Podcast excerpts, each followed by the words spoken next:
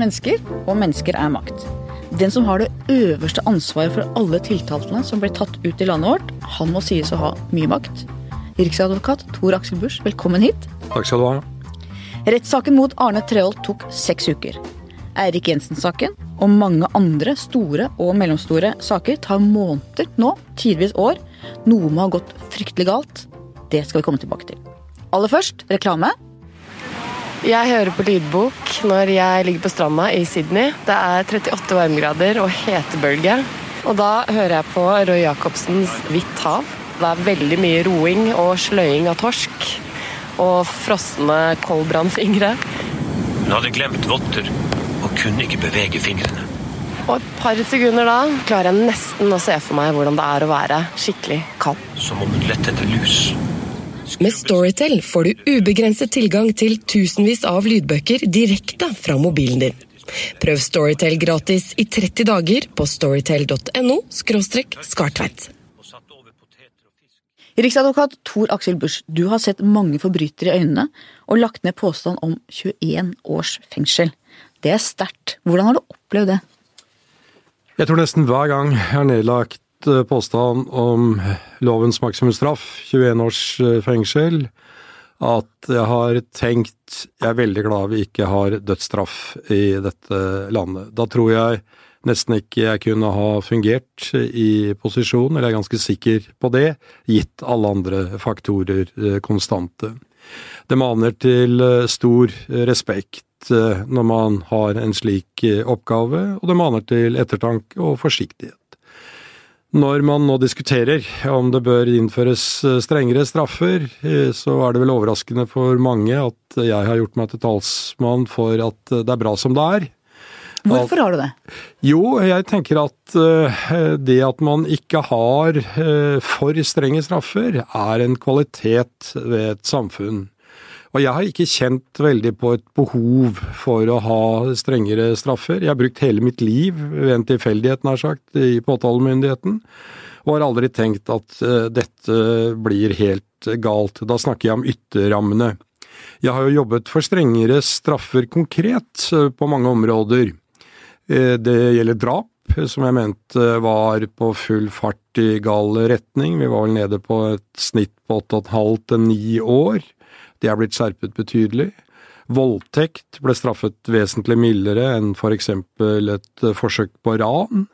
Det syns jeg var urimelig. Vold mot barn. Eh, vi har fått langt mer kunnskap om skadevirkninger. Gjentatt vinningskriminalitet. Det er en god del områder jeg har jobbet for strengere straffer, for å også harmonisere de enkelte formene for kriminalitet mot hverandre. For da snakker vi om forholdet mellom hvordan vi som samfunn vekter de forskjellige forbrytelsene, ikke sant? Det var bedre formulert, det er helt presist. Og eh, sånn sett så har jeg da jobbet innenfor ytterrammene, men eh, med eh, skjerping. Det har vi fått til, eh, takket være lovgivere i stor grad. Og sånn sett så tenker jeg at på mange måter så er det ganske bra nå. Å gå videre oppover med høyere maksimumsstraff, det har ikke jeg fulgt noe behov for, og da ser jeg det som min plikt å si tydelig fra. Her er jeg helt enig med deg. Jeg mener at det er et kvalitetstegn i samfunnet vårt at vi, at vi gir folk en ny sjanse, og at vi sier at du er aldri dømt for livet. At livstid er 21 år, det er ikke hele livet ut.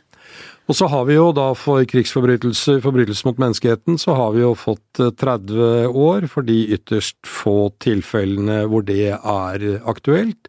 Og så har vi det særskilte instituttet forvaring som kan forlenges med fem og fem år etter at du har fått 21 eh, første gang.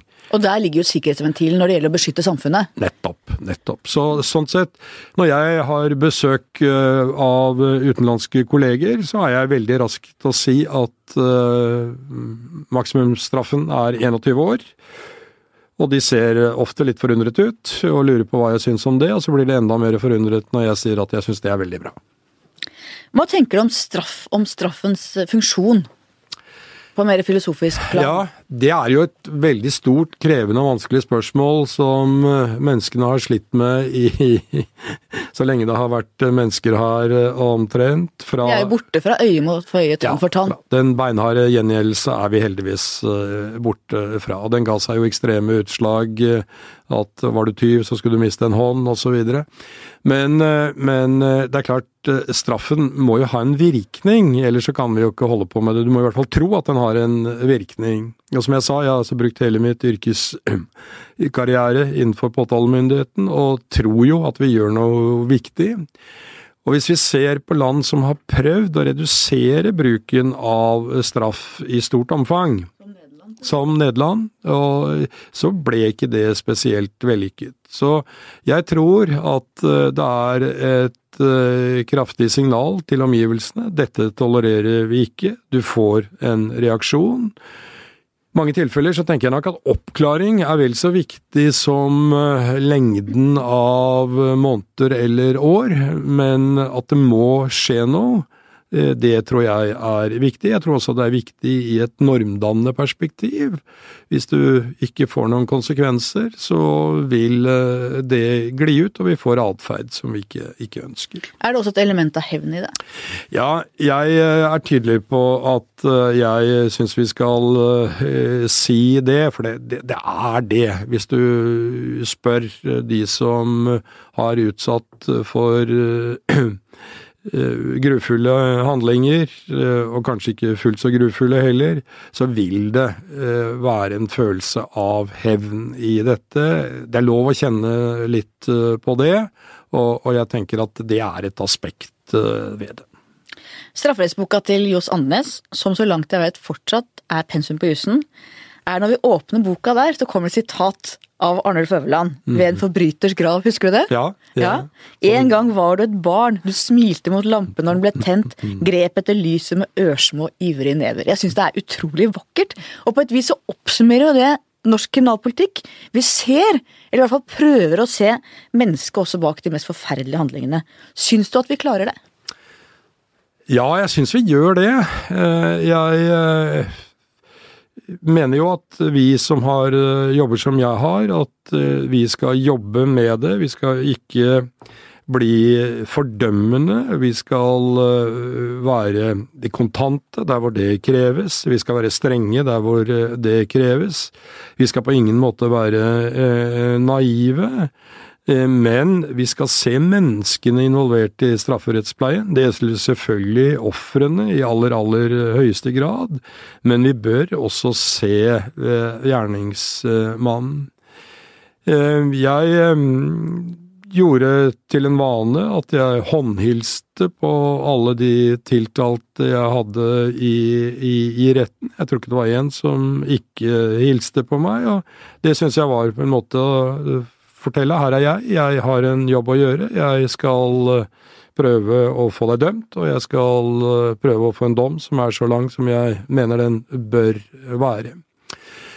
Som ung statsadvokat var jeg medlem av tilsynsrådet på Ullersmo landsfengsel. Eh, det lærte jeg mye av, og jeg tenkte nok at en del syntes det var rart at Eh, først hadde jeg gjort hva jeg kunne for å få de dit, og så kom jeg etterpå og spurte om de hadde, det, om de hadde det bra.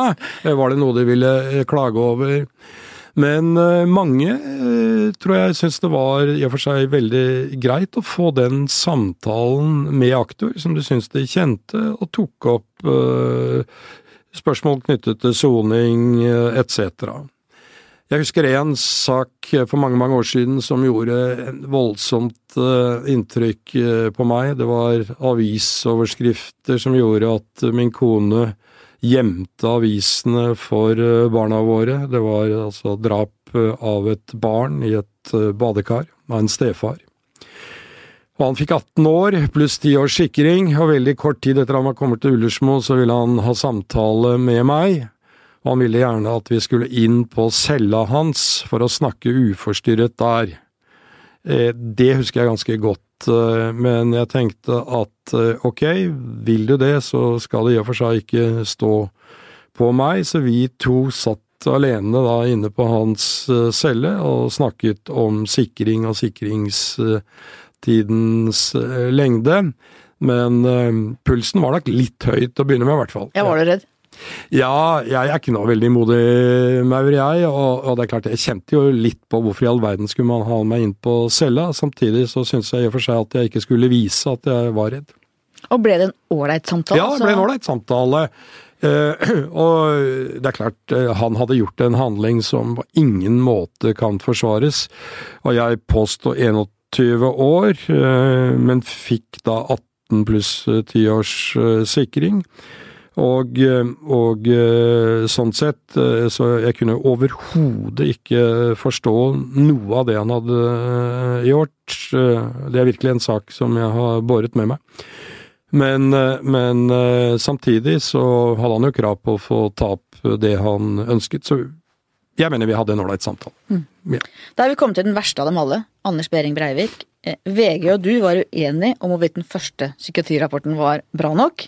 Den som konkluderte med at Breivik var utilregnelig. Og jeg er veldig glad for utfallet, at han ble kjent tilregnelig og straffet som det. Men det vi var enige om, var, at, var viktigheten av å holde fast på rettsstatens prinsipper, også i møte med en sånn grenseløs ondskap. Hva tenker du i ettertid om hvordan rettsstaten møtte Anders Behring Breivik? Jeg tror vi møtte han på en eh, akseptabel måte, som historien ikke vil ha så mange negative kommentarer til. Hvis jeg begynner på Utøya, jeg syns det er naturlig i og for seg å begynne der. Eh, så er det nok mange som tenker eh, innerst inne hvorfor i all verden skjøt ikke politiet han, og så var vi ferdig med det hele. Jeg tror vi som nasjon skal være veldig glad for at vi har et så profesjonelt politi at de ikke skjøt han. Eh, dette har jeg studert ganske nøye, og her snakker vi om nanosekunder fra virkelig. Men eh, de eh, fikk eh, da, og det var en av de som var helt i fremste linje der, hadde erfaring fra Afghanistan, mener jeg det var, vel kjent med bombebelter, og ropte ut at det er ikke bombebelte, det man da trodde var bombebelte, og han reagerte ikke adekvat, han var på vei fremover, slik at de trodde jo at han skulle ta med seg alle politifolkene i en siste smell. Eh, og da han eh, gjorde anskrik, så klarte han som skulle skyte å, holde fingeren i ro, eh, og det tror jeg var veldig bra. Og hvorfor, hvorfor, det? Jo, for det første er det en rettsstat verdig, at man stiller folk til ansvar på den måten de skal stilles til ansvar for, nemlig gjennom domstolsvesenet. Og for det andre så tror jeg at det bidrar til at vi ikke får så mange myter rundt Breivik. Han ble ikke martyr for ekstreme miljøer, for eksempel? For eksempel. Og, og kanskje enda mer på, på, min agenda er nok at vi ville ikke få eh, spekulasjoner. Var han alene? Var han ikke alene? Hvor mange kom seg unna? Det var jo et stridsspørsmål. Hvor mange var det egentlig der? Å få hans historie gjennom da hele etterforskningen og i, under rettssaken, det tror jeg var eh, veldig bra for oss. Og så skjønner jeg veldig godt disse ofrene som syns at det blir veldig mye eh, av den domfelte i ulike sammenhenger, og de ønsker å ha han ut av det offentlige rom. Men, men at rettssaken eh, som sådan var viktig for å i hvert fall starte en prosess med å lege noen sår, det har jeg tro på. Dere var jo veldig grundige i etterforskningen med alt hvor gikk skuddene inn. Fordi dere har erfaring med at folk gjerne vil vite alt.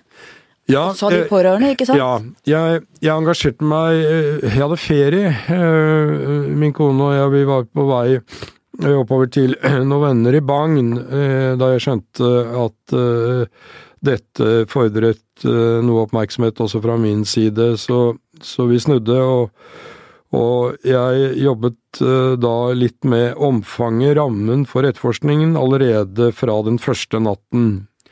Og da, da kom det jo altså spørsmål eh, som, som er ganske krevende. Eh, skal alle de døde obduseres? Her er det mange med en tro som ikke tillater obduksjon. Eh, når kan vi slippe fri eh, de døde, altså i den forstand at de eh, pårørende får ta hånd om det, for de har en tro som tilsier at de skal begraves veldig raskt. Og alt det valgte vi da å gjøre på vår måte, og jeg var veldig opptatt av at alle tomhylser skulle undersøkes med tanke på å føres tilbake til våpen som Breivik hadde, slik at det ikke kunne da danne seg myter om en, en ny gjerningsmann, eh, for eksempel. Eh, jeg var også eh, kanskje irriterende krevende vis-à-vis politiet, fordi jeg opererte med frister for når etterforskningen skulle være ferdig. Jeg tenkte det var veldig viktig å få denne raskt ferdig. Og vi hadde altså en rettskraftig dom 13 måneder etter ugjerningen. Og hvis vi nå ser på noen av de forferdelige terrorhandlingene som har vært rundt omkring i verden nå, så vil det overraske meg mye om eh, de er like raske f.eks. I, i England. Det får vi se, men eh, jeg tror det var bra for alle at eh, det gikk sånn. Og, og, og politiet, de var jo veldig positive etterpå. Jeg husker at han etterforskningsleder John Roger Lund sa at eh, jeg vil heller ha flere frister enn færre frister, eh, så få litt fremdrift eh, i, i dette. Så vi hadde rapportering da med jevne mellomrom, og hvor vi tilpasset fristene til det som da var faktum. Og Hva tenker du om storsamfunnets møte med terroren den gangen? Jo, ja, kanskje jeg kunne være lov å begynne for et år før uh, Breiviks uh, forferdelige ugjerninger, så skrev jeg en artikkel om bekjempelse av terror. Og det avsluttet jeg med at jeg hadde liten tro på at rettsstaten som sådan ville klare seg godt i møte med terror i Norge. Og det tydeliggjorde jeg også med at eh, politikere ville komme i en situasjon hvor alle forventet eh, handlekraft, handlekraft, handlekraft.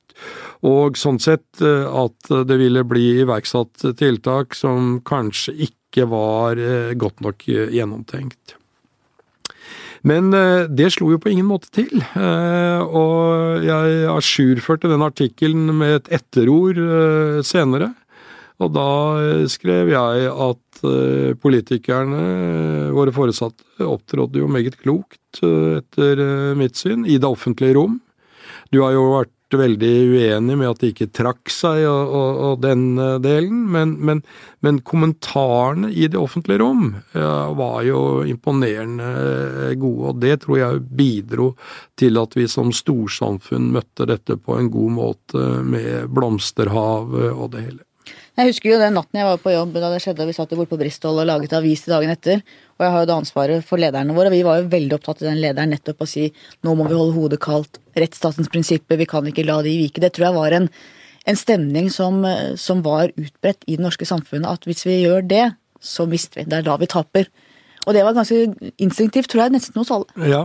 Vi, vi, Nå skal ikke jeg eh, gjøre oss bedre enn det vi var, altså, eh, eller enn det vi er, men men, men, vi var veldig forberedt på at det ville komme en terrorhandling før eller senere, og at vi skulle gjøre hva vi kunne for at de alminnelige rettsstatsprinsippene eh, ble ivaretatt.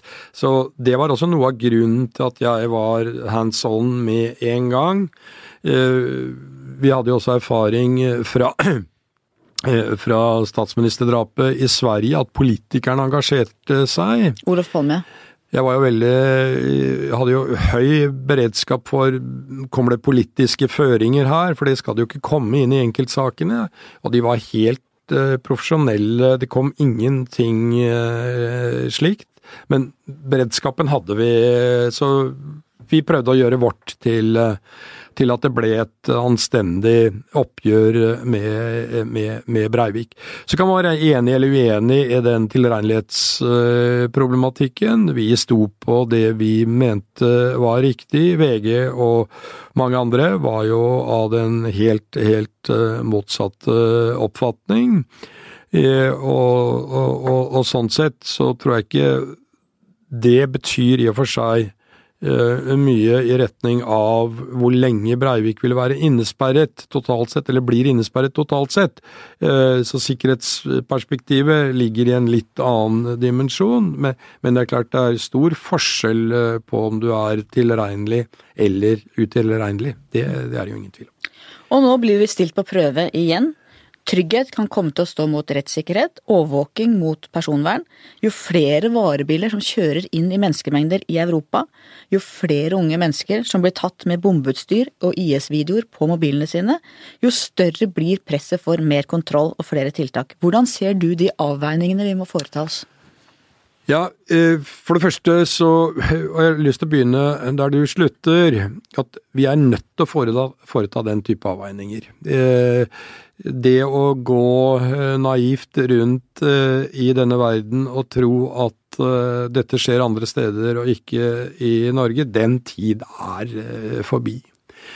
Eh, så det er klart, 17. Eh, mai-tog, eh, med den vurderingen som Politiets sikkerhetstjeneste har gjort av terrorsituasjonen, at det stilte Oslo-politiet overfor noen nye utfordringer. Klart, De sa det var sannsynlig? Det er ganske heftig. Ja, eh, vi har hatt en diskusjon eh, Dette hører ikke til mitt eh, fagområde, men, men, vi har hatt en diskusjon med PST om, eh, om disse kriteriene de bruker. Og det er klart, det blir veldig vanskelig når man kommer opp på sannsynlighetsnivå, for da opererer man også med en frist, altså at det var i løpet av de to neste månedene, tror jeg det var, så var, skulle det skje noe. At det var sannsynlig.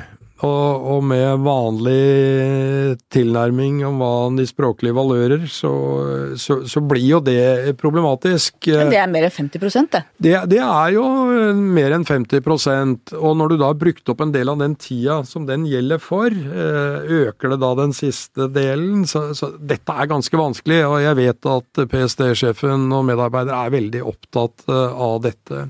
I andre land har man jo fargekoder, ja. tall og det kan hende at det er eh, noe som eh, bør, bør, bør prøves. Jeg har jo i og for seg forståelse for at man høynet eh, trusselvurderingen når man hadde handlinger både i Sverige og i, i, i London tett på hverandre.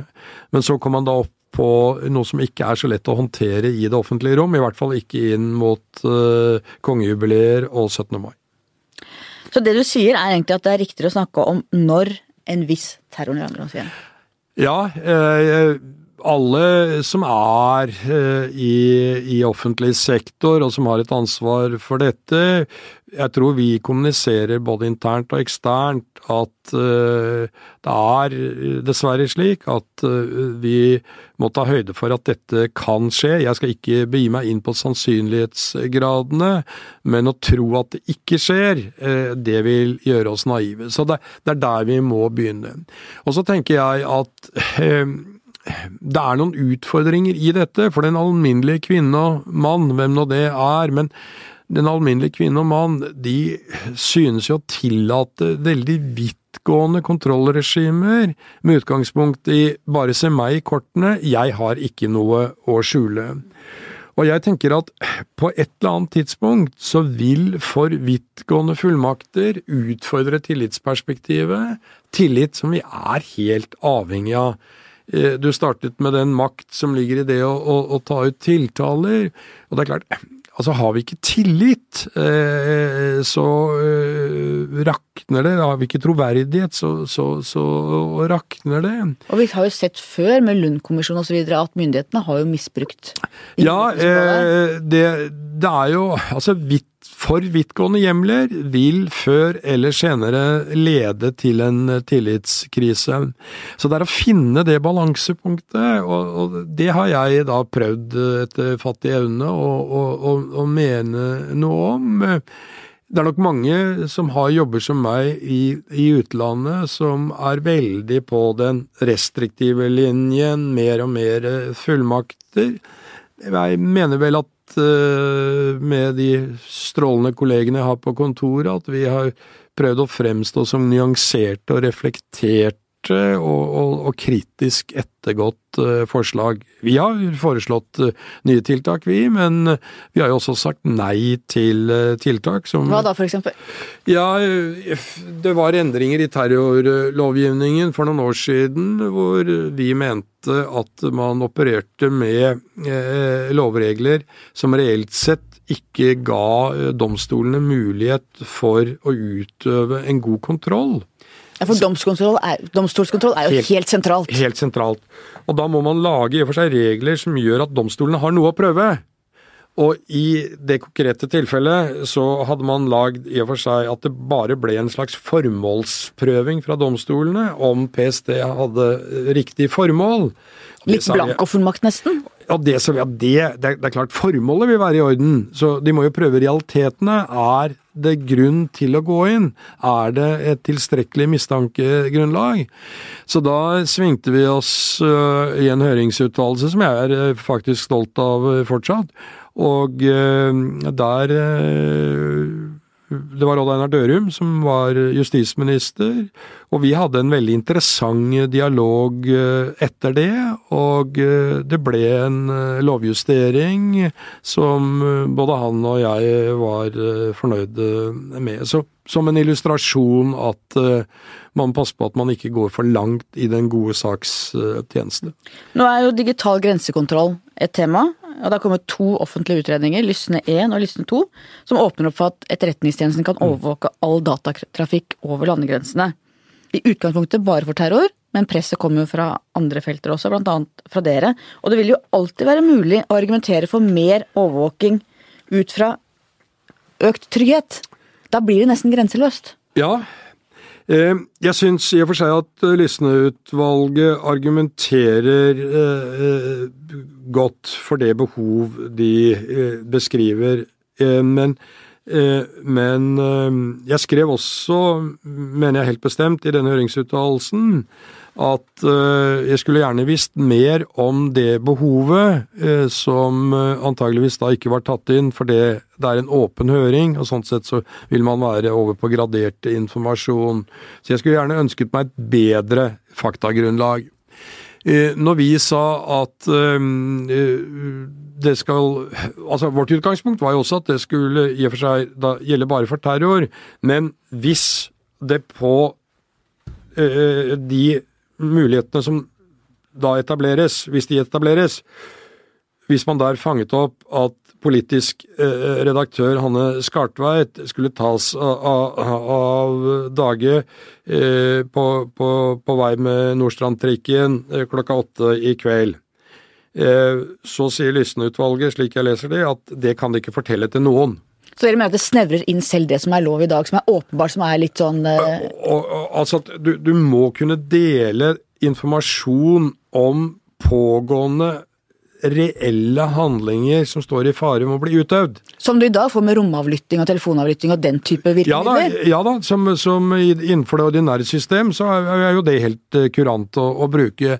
Så jeg syns det blir veldig rart at en offentlig etat skal kunne sitte på den type informasjon og si at vi bekjemper bare terror. Dette er ikke terror, det er en som er forbannet på en artikkel som uh, Skartveit har skrevet i VG, uh, og som uh, vil gripe til dramatiske virkemidler for å fortelle verden det. Så jeg tenker at du må ha noen sikkerhetsventiler i så fall. Men jeg syns den, eh, den uh, Lysne-utvalget 2 og, og, redegjørelsen der er krevende, men falt ned på at uh, jeg tvilte meg fram til et slags ja, men får man da informasjon om pågående alvorlig straffbare handlinger, voldtekt av barn, kan du tenke du får det selv om du er på terrorjakt, skal du ikke da kunne gå inn og, og, og, og fortelle det ordinære politiet at her er det noen dere må se på? Jeg mener ja. Så det dere egentlig sier er at det må være de samme prinsippene som ligger til grunn for overvåking på andre felt som i det digitale rom? Dere vil på en måte likestille det digitale rom med andre type eh, overvåkingsverktøy dere har? Ja, i hvert fall. Du, du kan godt ta at utgangspunktet er at dette er terror, og ikke den mer alminnelige kriminaliteten som vi har hva gjelder telefonavlytting f.eks. Si at dette er eh, terror. Men hvis du får inn da eh, vital informasjon som er av betydning for å bekjempe alvorlig kriminalitet, eller forhindre at noen blir drept, så tenker jeg at da må du ha noen ventiler. Og de ventilene så ikke jeg i Lysne 2. Tror du de kommer? Ja, eh, dette er jo spørsmål som er ganske vanskelige for eh, politikerne, men jeg tror, som i og for seg lå implisitt i ditt spørsmål i sted, til flere hvite varebiler eh, som eh, kjører, til mer utrygge blir politikerne, og det vil være eh, da eh, lettere å si ja. Vi preges av det som skjer i England, det er jo ingen tvil det. Tenkningen og og, og, og det, er, det, er, kort vei. Sverige har hatt uh, sitt. Så, uh, og vi har jo nå en uh, 17-årig gutt som sitter fortsatt i varetekt med utgangspunkt av en hjemmelagd bombe på Grønland. Jeg merker jo for egen del, jeg var jo mye mer purist på dette før, og fortsatt mener jeg at jeg har sterke prinsipper, men jeg, mine grenser har jo også flytta seg i disse spørsmålene fordi at verden har forandret seg. Og det, det, tror jeg jeg kan dele med deg, og si også at uh, der uh, hvor det var veldig lett å, å holde fanen høyt uh, den, det, det, er ikke like, like lett. Og det jeg prøver hele tiden, om det lykkes, det vet man jo ikke, men, men ikke bli naiv. Eh, for det eh, Altså Eller at du blir eh, nær sagt så prinsipiell at du ikke ser motforestillingene. Og all straffesaksbehandling, eller all metodebehandling, som mer på straffeprosess, det er jo veldig å, å, å, veie prinsipper og gode hensyn mot hverandre. Det er jo kjernen i jussen, egentlig. Det. Skal, skal ikke. Ja. ja. Så, og vi får jo tro at vi er ganske gode til det, da. At, vi, at det er noe med, med, med, fag og med trening til, eh, til det. Men uh, det er jo ikke så godt, å, godt, godt å si. Nå har vi snakket om beredskap, det er jo på et annet vanskelig tema, nemlig beredskap versus etterforskning. Du var tydelig i ditt høringssvar til Politianalysen, og den kom for fire år siden. Det var et veldig godt brev, der du uttrykte bekymring for at etterforskning ble nedprioritert til fordel for beredskap. Er du fortsatt bekymret? Ja, men ikke så bekymret som jeg var. Eh, og egentlig så er jeg litt stolt, fordi eh, vi eh, snakket veldig mye om det. Vi snakket også om viktigheten av etterforskning før 22.7. Første gang jeg omtalte dette offentlig, tror jeg var i 2010 etter at vi hadde diskutert det på kontoret, vi var urolig for at etterforskning fikk for lite oppmerksomhet. Og dette er jo helt annerledes enn det veldig mange tror, fordi eh, folk har en oppfatning av politiet med utgangspunkt i kriminalromaner og superdetektiven og den erfarne, flinke eh, som går litt sine egne veier, og så kommer det påfyll av unge, flinke, sultne, eh, mens, mens hverdagen ikke ser helt slik ut. Og det er jo nettopp den førstebetjenten, som vi kalte det i gamle dager, den politifaglige etterforskningsleder, som jeg i stor grad har eh, etterlyst eh, hvem passer på han eller henne. Og eh, når vi nå fikk 22.7, så Og dette, dette er uten kryss og b-er, men på en måte så gikk jo etterforskningen ganske bra. Vi, vi er uenige om tilregnelighet, ikke tilregnelighet, men, men altså framdrift, kraft, måten vi gjorde det på, tror jeg eh, står godt. Metodikken. Ikke sant? Og, og vi gjorde det sånn som vi alltid gjør det. Men, eh, men, men eh, med, med, med, mye kraft og framdrift. Så fikk vi da eh, 22.7-rapporten med mange huller i beredskapsdelen. Nå mener nok jeg at uh, det er elementer her som var bedre enn det som kom fram der, men, men det er en annen side. Det er åpenbare uh, svakheter som er påpekt. Og da, da uh, kunne du jo veldig lett tenke deg at nedtoning av etterforskning ble forsterket. Så jeg er veldig glad for at vi har fått til, og nå snakker jo politikerne når de snakker om om uh, politireformen, så snakker de veldig fort om kvalitet på etterforskning. Så eh, på en måte er det blitt en, en, veldig viktig del av reformen. Og Politidirektoratet og vi har noe som kalles etterforskningsløftet, ute med helt konkrete tiltak som politidirektøren og jeg står eh, sammen om, og som det jobbes nå godt og, og, og mye med. Så jeg syns vi har fått til mye. Vi har fått til hva skal jeg si, den politiske dimensjon, at man snakker om etterforskning, snakker opp etterforskning. Fått oppmerksomhet både om det påtalemessige, om det politifaglige etterforskningsledelse.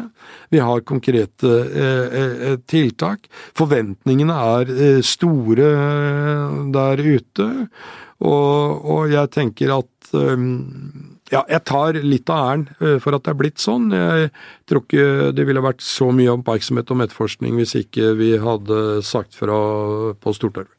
For Spørsmålet er jo hvor mye ressurser som skal brukes på noe forferdelig som kan komme til å skje brått og uventet, og hvor mye ressurser som skal brukes på det vi vet skjer hver dag, og som jo også handler om borgernes trygghet og sikkerhet. Mitt inntrykk er at etterforskningen lenge har hatt en ganske sånn lav status i politiet. Jeg har snakka med politifolk som forteller at de går ned i lønn ja. hvis de kommer inn fra gata og inn som etterforskere. Og ganske mye ned i lønn, faktisk. Det er jo veldig rart, for uten gode etterforskere så er det jo veldig mye annet i hele systemet som stopper opp. Ja, ja dette er jeg veldig, veldig enig i. Og igjen så er vi jo på avveiningen. Altså skal du styre atferd, eh, så må du på en måte være i det proaktive spor, og du må være i det reaktive spor. Og dette må balanseres eh, hele tiden. Så, eh, så, jeg håper virkelig at uh, man kan se at uh, det ble en kraft uh, av, rundt etterforskning. Men nå, nå, må vi ikke tro at det ikke gjøres mye bra. Jeg har holdt en god del foredrag i det siste om æresdrap. En en dame av pakistansk opprinnelse kommer eh, en dag, en maidag, til politiet i Oslo og sier at jeg vil anmelde tre drap. Eh, de er på min mann, hans bror, hans far. De er begått i Pakistan i går. Og det etterforsker altså da øh, norsk politi, og det ender da med at hennes foreldre, mor og far, blir dømt til 21 års fengsel for å ha eh, da planlagt og bestilt dette. Og fars bror dømmes til 17 års fengsel for å ha vært med under drapene. Og det det maner til både stor respekt og til ettertanke at det var mulig å, å etterforske dette. Altså, den, den tapre i, i, i, denne fortellingen, det er jo den unge eh, damen som kommer og forteller om dette, og tar den enorme belastningen det er. Eh, men, men samtidig så fulgte politiet opp på en meget eh, god måte, og med dedikerte statsadvokater i retten. Så det, det, er historier her med fortsatt godt etterforskningsarbeid, altså. Det er viktig å understreke. Og det du forteller her, forteller jo også om læringen i det norske samfunnet, om ære- og skamkulturen. Jeg har jobba mye med dette, vært opptatt av dette. Hvordan Eh, det er miljøer i dette landet hvor kjønnsrollen er helt annerledes, og mm. hvor den sosiale kontrollen er helt annerledes. Og at politiet også agerer i forhold til det nå, er jo veldig, veldig bra. Det har skjedd mye. Det har skjedd, eh, skjedd eh, mye. Og som jeg sa, så har jeg holdt da noen foredrag rundt dette med, med æresdrap. Og, og, gjennom denne saken så måtte jeg sette meg litt ekstra inn i det også. Og, og det er klart, her her snakker vi om store, krevende utfordringer for norsk politi, men man kan ikke lukke øynene for det. Og jeg er nok ikke fremmed for at noen steder, hvis det kom en og innga en tilsvarende anmeldelse, så kunne det risikere fortsatt man blir bøtt av noen som ja, hvordan skal vi håndtere det, hvordan skal vi få til det? Men her gikk man på med krum hals, og ja. Og da vi skulle avgjøre tiltalespørsmålet, jeg syns det var fryktelig vanskelig. Eh, krevende sak. Vi hadde møte med politiet og med statsadvokaten. De gikk gjennom bevisene sånn som de så på det. Og, og eh, så ja, tenkte jeg ok, dette er mulig å For det, vi skal jo ikke bare ta ut en tiltale sånn for å prøve, da skal vi jo være av den oppfatning at dette kan bevises i retten. Og der, eh, der eh, kom da bror til far, som jeg nevnte etterpå, og sa at uh, hvis jeg nå begynner å forklare meg, er det mulig for en straffereduksjon. Ja. Så han fikk 17 år, da. Etterforskningen endrer også veldig karakter nå. Altså Det er ikke bare min bransje som endrer seg dramatisk pga. digitalisering. Stadig mer kriminalitet foregår på nettet, enten vi snakker om overgrep mot barn, svindel, annen økonomisk kriminalitet. Er dere skodd for det? Nei, det er vi ikke. Vi må gjøre noen eh, store grep, eh, rett og slett. Dette er et tema i forbindelse med det som nå er på høring, som heter særorgansanalysen. Og eh, vi, vi, må over eh, ganske snart på tiltakssiden. Hva kan dere gjøre? Ja, For det første så må dette ressurssettes. Eh, det er flinke miljøer eh, også utenfor politiet. Det er flinke miljøer i politiet. Men eh, det er ressurssettingen av dette som dessverre er et tema. Det er et organisatorisk spørsmål. Skal det legges til Kripos? Jeg mener nok at mye tyder på, på det. På noen områder, f.eks. å finne elektroniske spor, er jo Kripos i verdensklasse i dag. Det er kommet eh, folk fra fremragende etterforskningsbyråer rundt omkring i verden for å få hjelp til å finne spor i Norge, som eh, virkelig De folka fortjener honnør. Eh, så det er mulig å gjøre noe med dette, men per i dag så er det ikke godt nok, og vi er på etterskudd. På den annen side så må man jo oppi dette huske at uh, det, er, det, er, jo muligheter til å finne bevis i dette materialet, som jo også er ganske fascinerende. Så én ting er jo kriminaliteten som begås på nettet, eller hvor nettet brukes aktivt, uh, altså digitale verktøy brukes for å begå kriminalitet. Men det er jo også blitt en sporverden der som, som er spennende. Og på den spordelen eh, så har vi fortsatt eh, en eh, vei å gå, men vi er bedre på spordelen enn den kriminaliteten som begås på nettet. Og der tror jeg vi bare har sett den første lille dønning, og så kommer etter hvert tsunamier innover oss, tror jeg dessverre. Så vi må, vi, vi, vi må mm, prøve å komme noen skritt videre. Og for meg så handler det nå om eh, organisering, ressurssetting, få få klare ansvarsforhold, og så begynne å bygge god eh, kompetanse. Og dette er fullt mulig. Det er det absolutt. Mm. Som jeg var inne på innledningsvis, så tar rettssakene så utrolig mye lengre tid nå enn før. Noe av det handler om økte mengder bevis som mobildata, andre digitale spor, som vi har snakka om. Noe handler om eh, økt behov for tolker. Men likevel, altså, rettssaken mot Arne Treholt tok seks uker. Norges største spionsak. Eirik Jensen-saken holdt på i nesten fem måneder, før den ble avsluttet nå rett før sommeren. Hvordan forklarer du den økningen i tid? Nei, jeg kan ikke forklare det. Uh, rent bortsett fra at faktum er slik du beskriver, altså at uh, de øker og øker og øker. Og dette har vi hatt mye oppmerksomhet over tid, uh, for jeg snakket i stad om tillit.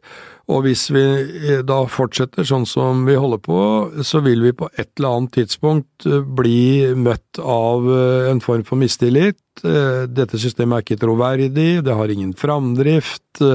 Dette tar rett og slett altfor lang tid. Og dyrt blir det? Kjempedyrt blir det. Det er det ingen som helst tvil om. Hvis vi Altså Da øh, Lasse Kvikstad og jeg hadde trealt saken så var det jo helt uvanlig med to aktorer. Øh, og når vi hadde to aktorer den gangen, så var det i og for seg i første rekke for at øh, man skulle gardere seg hvis aktor ble syk. Nå var det noen fordeler å være to aktorer uansett. Ble... Du var det bad guy, var det ikke det? Ja, noen har sagt det, men jeg var vel full av ungdommelig optimisme, holdt jeg på å si. Sånn pågangsmot. Ja. Det er nok ting jeg ville gjort annerledes i dag, for å si det sånn. Ja. Er det noe du angrer på? Ja, jeg vet ikke hvor mye jeg angrer Altså, jeg har jo sagt at vi burde kjørt uh, mer av rettssaken for åpne dører enn det vi gjorde. Ja, åpenbart. Det, det var, altså Den som tjente på det, etter mitt syn, var jo Treholt, som kunne mystifisere mer. Så, men, men, samtidig så Alt til sin tid. Det var jo ingen spionsak som hadde gått for så åpne dører som den gjorde, men vi skulle gått lenger. Det ser jeg klart i, i ettertid. Nei, og så er det vel eh, noe av den, eh, hva skal jeg si, litt eh, halvfrekk pågående eksaminasjon som ville vel vært uh, noe mer uh, jeg holdt på å si urban og sofistikert i dag, kanskje. Men, Men du hadde det litt gøy, da? Ja, du, du vet altså, Det må ha altså, vært en kjempeadrenalin-opplevelse? Ja, jeg, jeg, var 34 år da jeg begynte å jobbe med den saken. Jeg, ja, det sier jo mye om meg, selvfølgelig. Jeg tenkte ikke et øyeblikk på at jeg var for ung til, til det. Det gjør man først i ettertid. 34-åringer eh, i dag eh, kan jo ikke holde på med sånt, eh, vil jeg mene. Nei, så, så, Men det er klart, det var, det var en veldig arbeidskrevende tid. Jeg tror Kvikstad og jeg på, på, på, to år jobbet tilsvarende tre år. Det tror jeg nok vi, vi, vi gjorde. og vi, vi, hadde små barn. Eh, den, den, yngste datteren vår ble født eh, den dagen vi startet bevisopptak eh, i, i, i Høyesterett. Og jeg kom på pappaavisitt med journalist og fotograf fra VG på, på, på slep. Det, det, hadde jeg nok heller ikke gjort i dag, for å si, for å si det sånn. Men min kone var sporty. ja. Blir vi noen gang ferdig med den saken, tror du? Treholt-saken? Ja, nå syns jeg jo at eh, VG og han eh, som prøvde å uh, tilby noe litt odde bevis, har gjort mye for å få sluttført Eh, det hele, så jeg tror vel på mange måter vi er ved veis eh, ende nå. Så er det helt opplagt noen som eh, vil bruke både martyr og, og, og, og andre betegnelser. Men hvis man går inn og leser dommen Jeg syns Nils Petter Gleditsch, tror jeg det var, sa det ganske presist. Oppfører du deg som en spion, så får du jo finne deg å bli bedømt som en spion. Vi hadde, vi, vi hadde, jo en, en uh, avhopper fra KGB som ikke kunne om Treholt-saken, men som kom for å fortelle også aktoratet, men ikke minst retten. Uh, hvordan jobber man, hva lærer man på KGB-skolen for å, å, å, å rekruttere? Og, og, og, det han fortalte var jo veldig fascinerende når du Det passa? Det passa veldig godt, eh, altså. Ja. Men hva tenker du om relativiseringen og alle dryppene som har vært om at han var uskyldig, og støttegruppene og all den mystifiseringen som du snakker om? Hva handler det egentlig om? Ja, det har jeg jo spekulert uh, mye i. og da øh, Kvikstad begynte litt før meg. Jeg kom inn øh, Trelt ble arrestert øh, 20.1, tror jeg det var, i 84, og jeg kom inn da i oktober eller noe slikt. Øh, og skulle Saken var da forhåndsberammet til februar i 85. Uh, og vi hadde da en samtale med Kvikstad og sier at jeg går ikke inn i dette som noe gissel for pott, som det het uh, den gangen. Altså hvis jeg ikke har noe tro på denne saken, så blir ikke jeg med. Nei, kjære vene, sier han, det er jo akkurat det samme for meg. Jeg, uh, vi, har, vi har, vår integritet i, i, i, i behold. Uh, så, så, vi gikk inn i dette med et kritisk blikk. jobbet dag og natt, og, og, og, ble da overbevist om at her var det mulig å bevise at han var en spion. Eh, men det henger jo sammen med kunnskap, og det er klart mange er skeptiske til uh, rettsvesenet, mange er skeptiske til Politiets sikkerhetstjeneste. Det ligger på en måte litt i sakens natur. Så har du da en fremragende, eller en fremtredende diplomat som sier jeg var spion for fred. Um, Jens Evensens vitneprov gjorde sterkt inntrykk på meg. Han følte seg svekket, han. ja, han eh, skjønte ikke noe av den Spion for fred-delen. og det var, det var noe dramatikk i en pause der som underbygget det du sier, at han følte seg veldig, veldig svekket, eh, virkelig. Nei, så så eh, jeg tror de, de aller fleste land og de aller fleste spionsaker eh, vil være preget litt av dette med mytedannelser eh, rundt, men, men kanskje hadde det vært noe færre hvis litt mer hadde gått for åpne dører. Han svek oss alle, sto det i dommen. Det var ganske sterkt. Hva tenker du er landsforræderi i dag? Ja, det, vi bruker jo i liten grad eh, landsforræderi, men en, en slags eh, folkelig forklaring må jo være, som jeg prøvde å si til mine barn da jeg holdt på med denne Treholt-saken, at han solgte landets hemmeligheter til andre land for penger. Så det er vel noe der. Ja, det er noe der. Eh, Jeg tror du liker deg i rettssalen. Du er typen til det. Jeg har sett deg også i Høyesterett for mange år siden. Det var veldig gøy. Var det dette som drev deg til jussen? Nei, det var eh, i og for seg eh, nokså tilfeldig. Jeg, har, eh, jeg hadde en onkel som var jurist. Og min far hadde nok også tenkt å bli jurist, men det ble krig, og det ble Milorg, og, og, og, og ikke noe juss med han. Men, men jeg hadde veldig sans for denne onkelen. eh, Og hadde nok veldig lyst til å, å gjøre noe mer enn eh, å slutte med utdannelse etter uh, gymnas på Askim høyere allmennskole, som det het. Så, eh, så det, ble, det ble da jussen sånn eh, forsøksvis, eh, og så trivdes jeg veldig godt med det. Eh, Men da jeg var ferdig, så ante jeg jo ikke hva jeg skulle bli. Det, det, eh, så jeg søkte tre forskjellige jobber. Og det var i Miljøverndepartementet, det var hos Forbrukerombudet, og det var i politiet. Og så fikk jeg først svar fra politiet, og så sa jeg da selvfølgelig ja til det. Og så ble jeg det fullstendig hekta på, eh, på altså den selvstendigheten, viktigheten Altså at du syns du gjorde noe viktig. sa- Samfunnsoppdrag. samfunnsoppdraget, Samarbeidet med etterforskerne. Nei, jeg ble veldig fascinert. Jeg hadde hoppet inn i dette på akkurat eh, samme måte. Og så, og så skjønte jeg jo etter hvert at jeg Jeg skal ikke si jeg var eh, verdensmester på noen måte, men jeg syns jeg fikk til det der med aktorater, og, og, og, og, likte egentlig det. Du har vel snakket om eh, en prosedyre som kan være noe vakkert, nesten sånn poetisk? Ja, eh, den har jo noen elementer fra teaterverden i seg. Nå er jo juryen kasta ut, jeg har jo gjort meg til talsmann for det, men, men eh, det er klart, eh, på juryens alter så ofrer du jo noen av de gode folkelige prosedyrene. De, Det er frieri.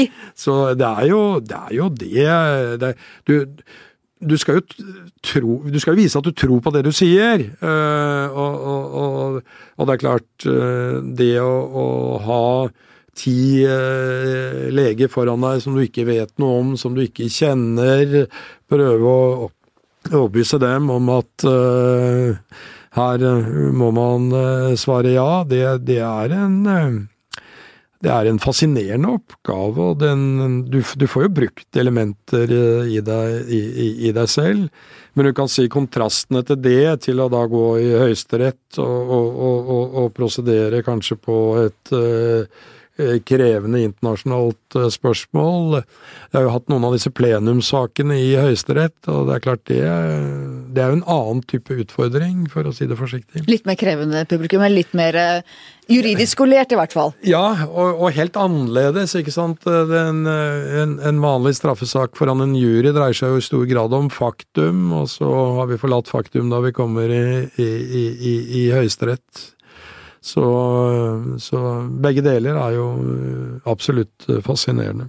La oss snakke litt mer om deg, om livet ditt. Du vokste opp i Indre Østfold, i Spydberg. Ja. Fortell om oppveksten din. Ja, det var en, en, en god oppvekst. Jeg, eh, Spydberg var da en bygd eh, med i overkant av 3000 eh, innbyggere. Vi hadde lang skolevei, tre kilometer, sykla til skolen. Jeg begynte på skolen som seksåring, for jeg ville så veldig gjerne gå sammen med en kamerat. Så det lot seg løse. Jeg håper det ikke var fordi faren min var formann i skolestyret, men, men i hvert fall begynte vi da samtidig. Uh, og uh, det var uh, Det var en landsens oppvekst. Mye lek, moro. litt fotball, litt tennis. en søster to år yngre. Et, et trygt og godt nærmiljø. Så, så absolutt. Og, og, så var det da videre til Jeg er så gammel, så da var det altså syv år i folkeskole, og så var det realskole og gymnas i Askim, så da måtte vi ta buss dit. Det er da en mil unna. Ja. Faren din drev med trelast, fortell ja. om han.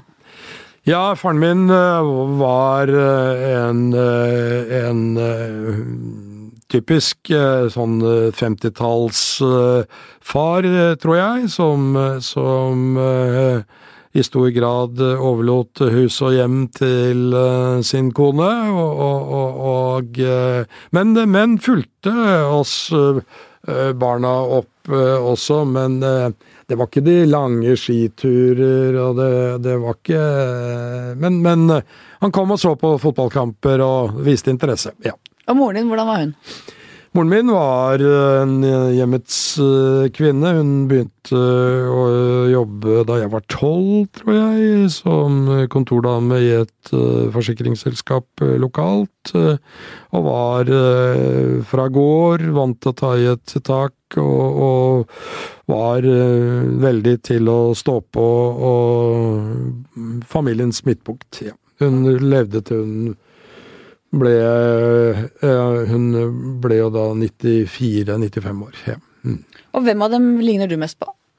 Ja, det veit jeg ikke. Det er ja, Altså, i retten, sånn i prosedyren, så tror jeg kanskje at det må være noen trekk fra faren i innsats og pågangsmot sånn i det daglige, så håper jeg det er litt fra mor. Ja. Og hva er det som har formet deg mest? Hva er det som har gjort deg til den du er i dag? Ja, ikke godt å si, men det er klart uh, hus og hjem uh, er en viktig del av det. Jeg hadde en uh, bestemor som jeg satte veldig stor pris på, som jeg var tett med. Og kameratskapet, det, ja, det er, vel det som preger en. Og hvilke verdier er det som er viktig i ditt liv? Ja, det er jo noe av det jeg bruker i jobben, med rettferdighet, Eh, prøve å være noenlunde prinsipiell, ha med deg tvilen, ettertanke, være eh, rask der hvor det kreves, men også bruke litt tid der hvor det er eh, naturlig. Så jeg, jeg syns nok det er mange av de verdiene som man kanskje prøver å etterleve mer som en ideell norm, som jeg, jeg, jeg håper i hvert fall eh, preger meg til en, eh, til en viss grad. Eh, jeg tror altså det, det kollegiet som jeg har bygd opp ved Riksadvokatembetet Jeg har vært riksadvokat nå i snart 20 år, og, og er jeg veldig stolt av. Vi har en veldig fin sammensetning av ulike personer, høyt under taket, og jeg jeg føler meg beriket over å ha så flinke kolleger, og ikke minst å bryne meg også på de mer ungdommelige. Ja. Og hvilke verdier tenker du er grunnleggende i det norske samfunnet? Ja, det er sånn som det er nå. Så jeg jeg syns nok at det er veldig mye som skal vises frem, som skal måles i penger, at vi, vi er blitt veldig materialistiske.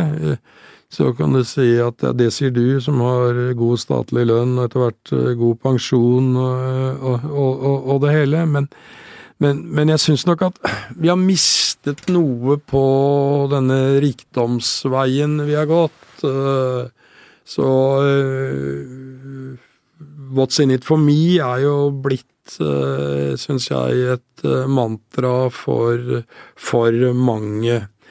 Uh, så, så, noe har vi tapt på veien. Samtidig så er det klart, vi har jo noen veldig gode verdier. Vi er et egalitært samfunn. Et av de mest egalitære i verden, ja, tror jeg. Ja, absolutt. Og, og, det er klart, det er, det er en styrke, en formidabel styrke. Vi har politikere som, som vil noe, som er skikkelige, som er ordentlige. Vi har et flott skolevesen, helsevesen. Altså, vi har veldig mye bra. Men sånn i et ja, det, det, blir jo veldig fort sånn at gamle menn snakker, altså at alt var bedre før. Men noe tenker jeg vi har mista på veien der hvor vi skal vise hvor vellykket vi er. Jeg skulle gjerne ønske meg litt mindre av, av, av det. Litt mindre fasade? Ja, litt mindre fasade. Litt uh, mindre flashing av av, av uh, Se hvor vellykket jeg er. Og det, fra det som jeg her er innom, så tror jeg i og for seg veien er kort også til økonomisk kriminalitet, dessverre. Hva tenker du om religionens plass i det norske samfunnet? Jo, jeg, jeg, jeg ser jo nå at vi er da under en, en, en, form for press fra ulike grupper. Men jeg tenker at den religionen som vi har hatt, at den har vært viktig for utformingen av det norske samfunn. Og på, nå på søndag så ble mitt yngste barnebarn, jeg har syv barnebarn, ble døpt, og jeg fikk det ærefulle verv å, være fadder. Og, og, det hadde jeg nok ikke sagt ja til, tror jeg, hvis det ikke var fordi at jeg tror at det er noe mer enn akkurat det vi ser, og så skal vi absolutt uh, være uh, åpen for andre religioner, for andre kulturer. Selvfølgelig skal vi det, men, men jeg har ikke uh, tro på det, det profane samfunn. Det, det, har ikke jeg tro på. Så tro på Gud selv? Ja, en slags naiv barnetro, kanskje. på to av gravstøttene i vår familie så står det Ave Crux Space Unica. Og det betyr noe i retning av med korset vårt eneste håp. Så det sier vel i og for seg litt. Mm. Til slutt, mitt faste spørsmål. Hva skal bli historien om deg? Tor Aksel Busch, det var han som bidro til å videreutvikle og opprettholde den liberale rettsstat i en omskiftelig tid. Jeg tror den er av avgjørende betydning for en god demokratisk utvikling. Dette var veldig bra. Tusen takk for at du kom. Takk for meg. Takk til researcher Grete Ruud og til vår faste produsent Magne Antonsen. Takk til deg som hørte på. Det er sommer og ferie, så vi er tilbake igjen først om to uker. Enn så lenge, nyt sommeren hvor enn du måtte være.